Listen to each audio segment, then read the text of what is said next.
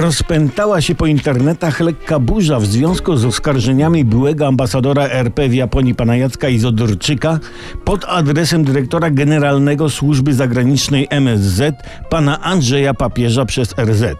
24 marca 2019 roku, kiedy to delegacja MSZ pojawiła się w japońskiej świątyni w Kamakurze, gdzie po przekroczeniu bramy należy dokonać symbolicznego oczyszczenia, płucząc usta oraz myjąc dłonie, ja tu cytuję, papież podszedł do kadzi z wodą i zaczął symulować, że obmywa sobie, no, wiecie, ten kluczowy dla mężczyzny instrument. No, w sensie udawał, że myje sobie szoguna.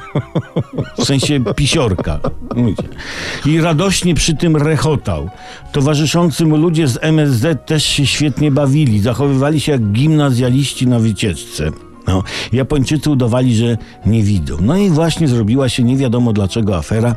A my pytamy, czy to źle, że nasz dyplomata, pan papież, pokazał skośnookim skubańcom, budujący przykład higieny intymnej?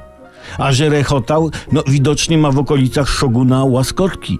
A być może uczył żółtków twardego, rzetelnego, męskiego poczucia humoru, w kulturalny sposób szerząc nasz punkt widzenia na wiele spraw, czy to takich, czy to tam innych. Należy sobie i innym zadać teraz pytanie. Komu przeszkadzają czyste genitalia w MSZ? Myślę, że odpowiedź nasuwa się sama.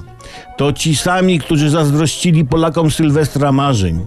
Krzycząc tym zdradzieckim pseudoelitom nasze gromkie nie, zauważmy, że słuszne kadry dyplomatyczne ma nasz kraj.